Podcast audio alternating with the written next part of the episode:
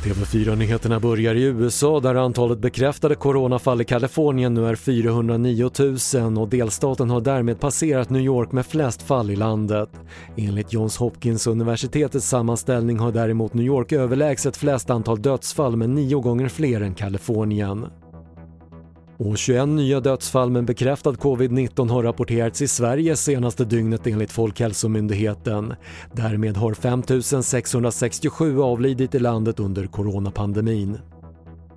Så till Mallorca där en svensk kvinna har avlidit efter att hon misshandlats svårt och en man har gripits misstänkt för dådet.